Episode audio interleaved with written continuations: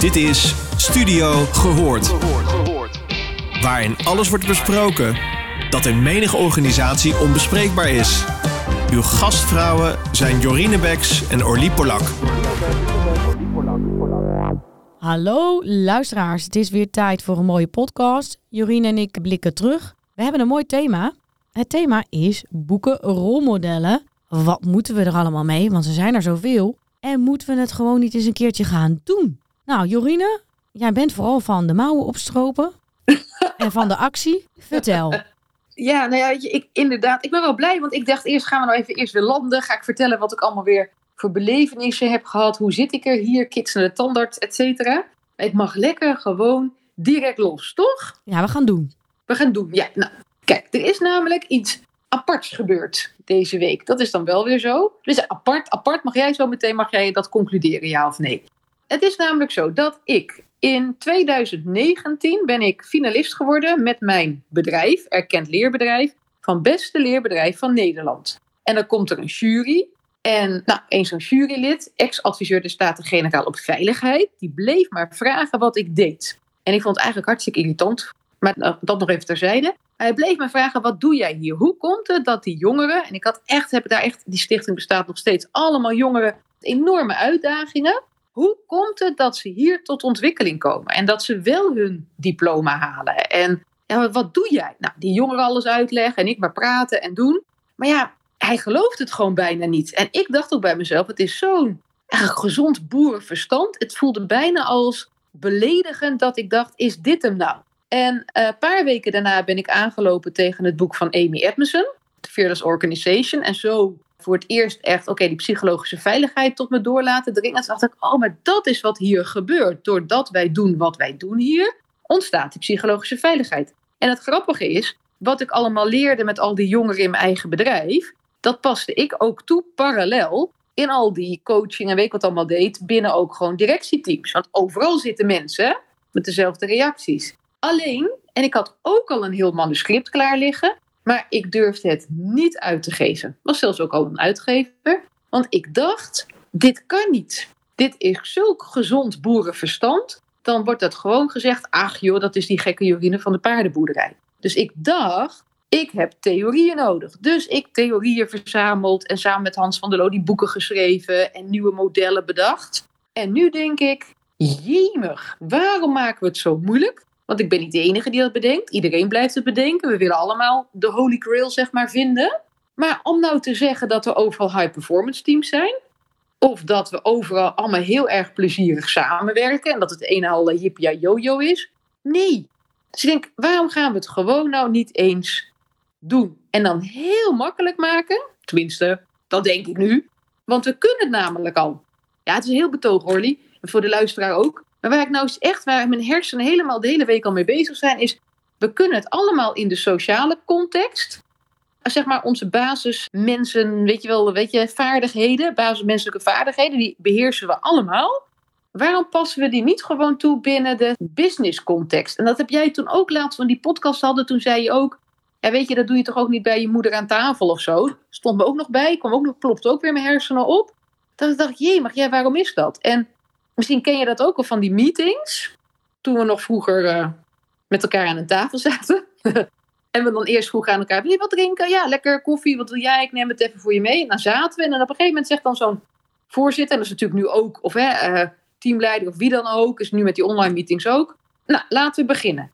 En het lijkt wel of, een, of dat een soort knop is die dan in, je om, ja, in ons wordt omgezet. In de zakelijke context. Dat we dan in één keer vanuit verbinding in ons hoofd schieten. En dan gaan we overtuigen. En dan gaan we nou tussen haakjes met bananen gooien. En dan is de meeting voorbij. En is het, joh, wat ga je eigenlijk doen van het weekend? Dat is dus mijn frustratie. Ja, en dan mag je het lekker concreet maken. Maar wat gaan we dan doen, Jorine, maandag? Maandag gaan we toetsen met opties. Met aandacht voor die ander en behoud van ieders authenticiteit. En als ik nou niet snap wat jij daarmee bedoelt, kan jij dat aan mij in Jip en Janneke eens uitleggen wat je daarmee bedoelt? Nou, eens even kijken. Stel, je gaat op visite. Jij gaat ook wel eens ergens op visite, toch? Uh, liefst zo min mogelijk. Oké, maar dan komen wel eens mensen bij jou op visite. Ja, dat zoveel mogelijk. Ja, de hele tijd lopen ze de deur plat. Nou, dan ga ik het even aan de hand van dat voorbeeld eventjes uitleggen wat ik dan bedoel. Stel, dan komt een visite. Nou, wat gebeurt er dan? Dan komt iemand binnen en dan vraag je, hoe gaat het? En dan zegt die ander, gaat wel goed. Beetje keuvelen. Op een gegeven moment, dan komt daar die vraag. En die heb jij ook aan mij gesteld. Dat weet ik nog heel goed toen ik bij jou op visite kwam. Wat wil je? Drinken. Juist. En wat zeggen dan heel veel bezoekers, om het zo te zeggen. Ik heb het ook gevraagd aan jou. Ik vroeg, wat heb je? De meesten zeggen gewoon, doe maar koffie. Ja, of, Of, of wijn. Of champagne. en wat vraag jij dan als iemand zegt, doe maar koffie? Wat wil je er dan in? Moet het nog een schuimkraagje hebben?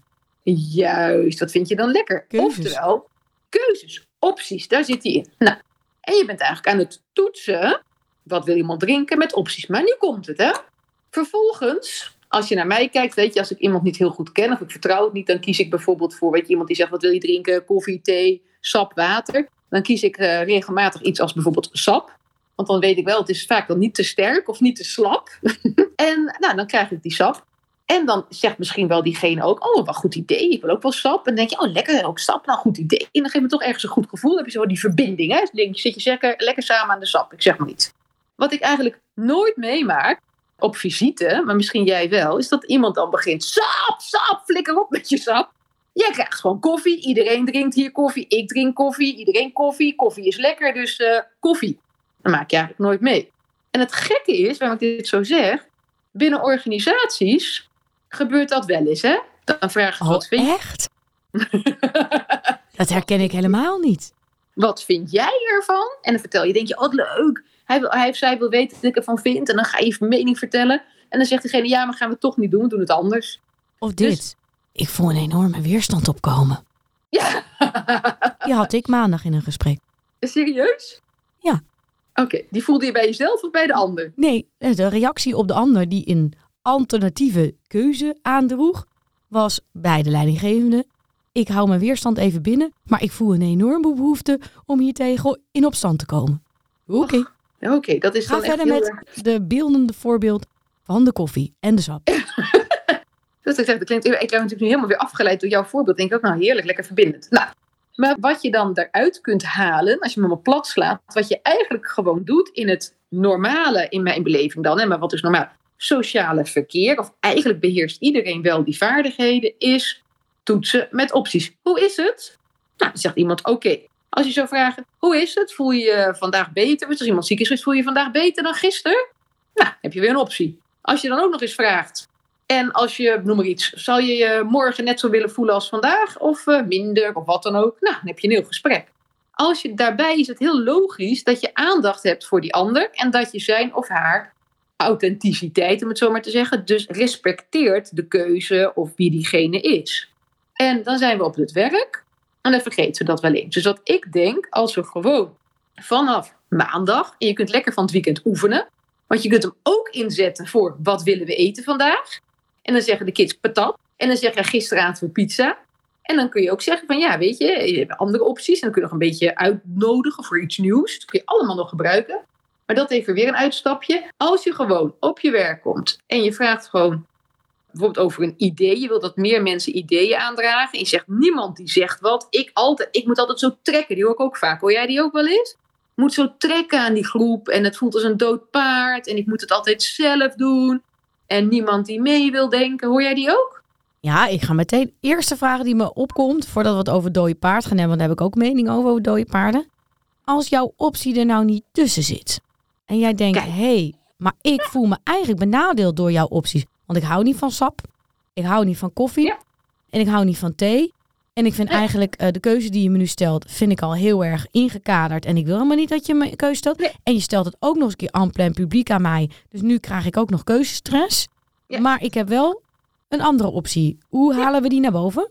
Nou, wat ik dan, oh die is ook heel herkenbaar. Wat ik dan doe is, ik geef altijd dan aan, geef dan vooral zwart-wit opties aan. Dus hoe zwart-witter, hoe beter. Want daar zit namelijk een heel groot grijs gebied in. Dus dat geeft al aan dat je zegt, joh, wil je helemaal naar links of wil je helemaal naar rechts? Wil je alcoholvrij of wil je met alcohol? Ik zeg maar iets, hè. Dan heb je alweer eh, weer nog veel meer keuzes ertussen. Een beetje alcohol, nee dat niet, maar je snapt wat ik bedoel. Of een hele lijst van alle koffiesmaken, zou ik nog op kunnen noemen. Als je zegt, wil je koffie, oké, alle keuzes. En dan heb je dus weer, krijg je, en dat is heel leuk dat je dat vraagt, respect voor ieders authenticiteit. Dus dan geef je weer een optie. Dan geef je aan van, joh, overval ik je of niet? Wil je nu antwoord geven of liever wachten? Het is allemaal prima. Hè? En het is met name van belang dat je ook aangeeft dat je wel kaders aangeeft van opties. En daarbij ook weer aangeeft, oké, wat is de ruimte? En die is wel van belang. Want als je bij iemand op visite komt en die geeft aan, oké, dit heb ik. En dan zeg je, goh, heb je ook, ja, sorry, maar heb je, heb je ook wat anders? Dat kan, hè? Heb je misschien ook wat anders? Misschien iets met prik? En dan ga je kijken, ja, ja, ik heb wel Fanta. Oh ja, eigenlijk wilde ik cola. Ja, ja, ja, dat heb ik niet. Ja, dat heb je dan niet. Kijk, en zo werkt die ook, hè? En dan kun je natuurlijk gaan stampvoeten. Dat heeft eens een keer een kind van mij uit. Ja, toen die wat kleiner was, doen ze nu niet meer. Nee. maar dat zijn wel de kaders die je kunt geven. Dus dat is inderdaad wat jij zegt. Het is wel van belang, wederom, dat als iemand iets anders aandraagt, dat je kijkt, past het erin? En niet door te zeggen nee, maar door eens mee te bewegen. hoe zit dat? Of, of waar komt dat vandaan? Of waar haakt dat aan? Maar sowieso serieus nemen. Maar ik ben een manager en ik heb echt gewoon heel weinig tijd. Ik heb eigenlijk Ja. helemaal geen zin om opties te bieden. Want opties kosten tijd. Is een vertraging in mijn besluitproces, of mijn besluitvormingsproces. Ik wil nu resultaat. Jorine, niet maar dinsdag, niet woensdag. Ik wil maandag spijkers met koppen slaan. Ja. Hoe passen jouw opties dan in mijn, eh, mijn blauwe geest? Nou ja, in je blauwe geest. Kijk, als je die blauwe geest hebt en je bent inderdaad zo gedreven, dat dat is waar je op stuurt. Ja, als je het niet wil, je kunt het niet willen voor een ander. Kijk, wat ik weet is dat als je het aandraagt en je gaat, neemt het serieus op, dan krijg je uiteindelijk een veel betere en snellere besluitvorming. Krijg je toch traag versnellen, hè? komt hij er weer in van Arend Rodon. Maar door even stil te staan, ga je later sneller. Alleen daar zit weer iets in. Wat is je overtuiging? Wat is je stress? En natuurlijk is het zo dat als je die tijdsdruk hebt, dat je denkt van, min ga ik het redden. Maar als je daarbij beseft dat als je even stilstaat, en ik heb het niet over een oude hoerverhaal van een uur, hè. Je gaat ook niet een uur bakkeleien voordat je wat te drinken hebt op visite. Dus je kunt daar best wel snel doorheen hoor. Het, is helemaal, het hoeft helemaal niet lang te duren. Het is even die verbinding die je maakt en serieus nemen. En wat doet dat met mijn macht? Want nu heb ik niemand een optie gegeven. Nu ben ik zeg Ja. maar de koningin van de koffie. Ik heb ook een Ja. heel gaaf apparaat gekocht. Dat ook alleen maar Cool. koffie kan maken. Met echt, echt gave cappuccino. Dus als jij binnenkomt, dan weet ik gewoon wat jij wil. Want jij wil koffie. Want dat, dat, dat wil ik namelijk ook. Want ik heb een heel duur apparaat gekocht. Dus ik wil vooral eigenlijk dat je zegt tussen alle keuzes dat je kiest voor de koffie. Ja, En eh, hoe zorg ik nou, omdat ik mijn rank wil behouden, dat iedereen toch weer voor de koffie gaat? ja nu zeg je wel iets heel ingewikkelds. Want nu, nu, nu kom je heel dicht aan bij mijn soort basisovertuiging. Als je het zeker zegt met, met koffie. Natuurlijk heb je bepaalde kaders. Weet je, met koffie is natuurlijk iets anders. Maar als je ergens trots op bent, ja, moet je inderdaad, wil je dan inderdaad dat iedereen koffie gaat drinken. Dus dan zit het er weer in. Wat vind je nu van autonomie? In combinatie met verbinding en leren. Weet je, waar we steeds meer behoefte aan hebben. Wat zijn dan de kaders? En je weet gewoon, als je inderdaad stuurt vanuit macht, top-down. En ja, toch een tikkie autoritair, zeg maar. Dan heb je gewoon een heel ander effect. Dan krijg je gewoon een heel ander team. En wat is de, het ergste wat mij kan overkomen dan? Ik ben er echt van overtuigd dat ik het bij het juiste eind heb. Ja. Espresso wordt het. Dat is de toekomst. Iedereen moet het zwart gaan drinken. Ik ga de melk ook aan de kant gooien. En Ja. iedereen stel ik eigenlijk wel opties. Maar die opties komen eigenlijk allemaal op hetzelfde neer. Want het is espresso met een scheutje amaretto. Of een scheutje vanille. Maar het is uiteindelijk altijd espresso. Het is wel een mega leuk voorbeeld zo. Sorry. Ja, ja. En ik denk, ja, maar ik ben de leider. Ik, ik zit niet voor niks op deze positie. Eh, precies. we hebben al onze centjes op espresso gezet. Maar wat is nou het ergste wat mij overkomen kan? Nou, In, deze espresso. eh, Nou, dan wordt het dus espresso. Het is espresso en het blijft espresso. Dus je krijgt geen nieuwe ideeën. Dus je kan jezelf ook, je staat niet meer open. Als je gaat kijken naar een fixed of een growth mindset. Het is natuurlijk voor, dus ja, je ontneemt jezelf ook enige vorm van ontwikkeling. Dus uiteindelijk, als je op de langere termijn trekt, ook de organisatie. Mensen haken af. Als je gaat kijken naar de krapte in de arbeidsmarkt, is ook, bekend. Hè? Die hele grote, hoe noemen ze dat nou? Ja, ik ben de naam kwijt. In Amerika. Dat is echt allemaal, eh, al die organisaties, allemaal racen ze weg omdat ze zich gewoon niet betrokken voelen, niet serieus genomen voelen. Omdat ze erachter zijn gekomen, ja, wat is nou het meest belangrijke in het leven? Een beetje luisteren naar zo'n ja, naar zo'n baas of gewoon doen waar ik energie van krijg. Dus dat zijn wel de gevolgen tegenwoordig. Dus je beperkt jezelf. Je beperkt jezelf in ontwikkelen, maar ook nieuwe ideeën, dus ook business-wise. Ja, schiet het gewoon helemaal niet op. Je snijdt jezelf in je vinger. dus, dus mijn koffieshopje is een beetje eindig, zeg jij. Als ik me niet aanpas aan de behoeften van mijn gasten die wat anders willen drinken. Dan vinden de gasten geen zak meer aan. Die zeggen dan, ja weet je, flikker op met je espresso-apparaat. En dan wordt het ook gezegd, nou die Orly die denkt ook, die heeft een of ander apparaat. Als je daarheen gaat, moet je koffie drinken. Nou weet je, we gaan eerst ergens anders wat drinken. En uh, we zien wel. Denk je dat ze ook grapjes gaan maken eerst over mijn koffieapparaat? Ik denk zeker, want dat hoorde je denk ik al in mijn stem er tussendoor. Want ik zag ook allemaal beelden voor me hoe wij met z'n allen dan inderdaad heel veel grapjes zouden maken. Ach, weet je, en, en dan zouden we ook wel zeggen, wedden dat, uh, dan zeggen we dit en dan gaat zij dat zeggen. En dan zeggen we, ah, dit en dan zeg je nee, nog dit. En dan zus en zo, zul je zien? En in die end, ja hoor, dan zet ze gewoon al die espresso neer. Zul je zien? Weet je wat we doen? En we drinken deze keer lekker gewoon niet op. Dan zeggen we, oh, ik moet naar de wc. Oh, ik moet zo weg. Oh, is het al zo laat? Zit ze daar met al die kopjes espresso. met een ja. dominante dramkonterigheid. Ja, de, dok de dokter heeft gezegd, het is heel slecht voor mijn maag. Ben ik dan ook een koffieboon, denk je? Word ik dan afgebeeld als een koffieboon? Ja, ik zie ook al helemaal dat zeg maar als plaatje. Ik kan me helemaal voorstellen wat voor poppetjes eruit ontstaan, inderdaad. En ik denk ook dat het gecombineerd gaat worden met een koffieboonmaler. Dat er allemaal leuke koffieboontjes zitten met hoofd van Orly in een koffiemaler. Gewoon voor de gezelligheid. Oh ja, dat klinkt al wat meer op de weerstandsladder. En denk je uiteindelijk ook dat ze koffieboontjes naar me gaan gooien? Als ik door blijf gaan met koffie schenken. Nou ja, dat, als ze nog de energie hebben, dat is wel interessant hè als we nog met elkaar koffiebondjes blijven gooien, dan heb je nog verbinding. Want dan ben je niet van het vechten. Ik denk dat ze op een gegeven moment gewoon weglopen en zeggen: joh, stik maar lekker in die koffieboon. Nou, ook niet aardig. Nee, maar ja. Zie ik eentje koffie te drinken met een hele grote machine. Ja, en dat is wel grappig als je dat nu zegt, hè. Dan kom je toch weer terug aan wat we aan het begin, wat, weet ik wel hoe het begin we zaten. Dat dan zo'n manager, leidinggevende, het kan ook een medewerker zijn. Maakt helemaal niet uit welke rank of zo, rank. Die dan zegt van, joh, weet je, ze luisteren nooit naar me en ze doen nooit mee. En ze komen nooit met andere ideeën en het is trekken aan. Je denkt, ja, weet je, wat is wel interessant qua patroon? Hè? Dus wat is jouw aandeel in het geheel? Iedereen heeft aandeel altijd in een patroon.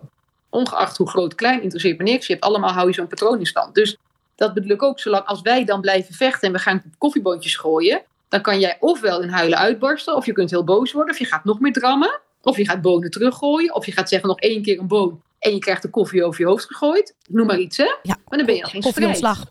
Voel een ontslagronde aankomen. Een reorganisatie. Ja. Jij ook? Een koffiereorganisatie.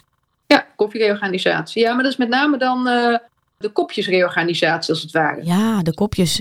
Ja, dan moeten dan de oortjes af of oortjes bij. Ja. oh nee, de, veran de, veranderaar die komt de oortjes eraan haken. Ja, ik zie het proces. Nu gaan ze luisteren. Nu gaan ze luisteren. Nou, meestal word jij dan toch gebeld. Als de kopjes niet willen luisteren, moeten de oortjes bij, toch? Ja, dan zegt ja, de oortjes je moeten echt oortjes. Ze, ze doen gewoon niet, ze zien het niet. Er moeten ook oogjes op, moet oortjes en de mondjes moeten eraf. Ja, bewustwording. Ja, dat is het eerste stuk. En dan vervolgens, wat er dan vaak gebeurt, is dan gaat het mondje van de koffiezetter. En dan gaan hele grote oren aan de koffiezetter. En heel veel vraagtekens plak ik erbij. Met het idee van, oké, ga eerst maar eens gewoon eens even nadenken. Gewoon eens beschouwen, herkennen, wat gebeurt hier nu eigenlijk? Even stilstaan. Ja. Ik vind het een ideale wereld die je schetst. Ik voel echt gewoon een business opkomen. Ik ga in de koffie. En iedereen die klaar is met koffie drinken, daar gooi ik gewoon een boontje naar. En anders ga ik gewoon klagen van, joh, je luistert niet goed, dan plak ik gewoon nog een oortje op. Maar ik vind jouw oplossing ook van de mondjes eraf halen. Ja, dat is natuurlijk ook een oplossing. Ik vind het een. Uh, ja. Dan hoor je helemaal niks. En weet je, wat, weet je wat dan ook heel goed helpt, hè? Want je hebt van die medewerkers tevredensonderzoeken. Dat zou je ook onder je koffieboondrinkers kunnen op. Dat je denkt, ik wil eigenlijk onderzoeken hoe ze, of ze de koffie lekker vinden. Dat doe je dan gewoon even niet. Of je doet het na twee jaar, of één keer in de vier jaar. En als je het dan doet, hè, dan doe je niks met het resultaat. Dat helpt ook. Ja, we doen het wel, tuurlijk. Maar als we dan denken dat, dat is resultaat, die kun je natuurlijk altijd wegrationaliseren. Ja, maar vorig jaar waren ze ook gewoon niet zo tevreden. Vorig jaar hadden we een reorganisatie. Toen hadden we ook nog een uh, ander akkefietje. Weet je nog dat ene akkefietje over uh, de melk die niet meer goed was? Ja, dan begrijp ik wel dat mensen even geen zin meer hebben in koffie. Ja, en weet je wat ook is? Je moet ook, waar kijk je naar? Hè? Kijk je nou naar die 40% die ontevreden zijn, of kijk je naar die 60% die toch wel allemaal tevreden zijn? Hè? Hallo, waar kijk je naar? Ja, maar voor de luisteraar, om even van de metafoor af te stappen en weer terug naar het doen te komen. Het gaat eigenlijk allemaal om de stem van de minderheid. En die doe je niet alleen om iedereen gehoord te laten zijn. Dat doe je omdat de wijsheid komt uit de groep. En hoe meer je de dominante stem harder laat klinken, hoe minder ruimte is voor al die andere mensen die ook ideeën hebben. En die misschien hele andere dingen zien, hele andere dingen horen. En die heb je nodig om in een wereld die zo snel verandert als de onze, eh, vooruit te komen, in te spelen op behoeften. Want we hebben genoeg voorbeelden van bedrijven die dachten: wij gaan voor eeuwig en altijd gaan wij rolletjes voor foto's maken, Kodak. Of wij Ja. gaan voor eeuwig en altijd gaan wij, nou misschien eh, wordt Auto's maken. auto's maken. En we gaan voor eeuwig en altijd dit doen. Dus iedereen moet onze koffie blijven drinken. Maar er komt een tijd dat de wereld verandert en dat mensen zeggen: ja, maar ik wil geen koffie meer. En als Ja, je en het dan te laat weet, nou dan word je klant bij Jorine. Ja, en wat nou ook heel erg fijn is, wat ik echt heel fijn vind daar, dit is niet ingewikkeld. Weet je, het is al zo ingewikkeld. We hebben al die hele snel veranderende wereld, al die complexiteit. En je zit niet in één team, je zit in acht verschillende teams uit onderzoek gebleken in Nederland. Allemaal zo complex. Laat het een keer gewoon lekker simpel zijn. Begin met toetsen met opties, met aandacht voor iedereen. En ook respect hebben voor ieders authenticiteit. Ook voor degene die een tikkie introvert is. Die hoort er ook bij. En dan gaan wij de volgende podcast gaan wij praten over hoe doe je dit nu als je het wel een beetje moeilijk vindt.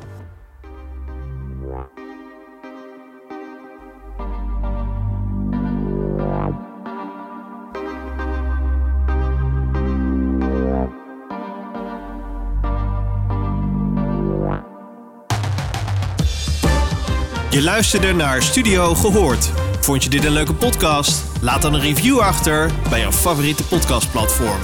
Tot de volgende!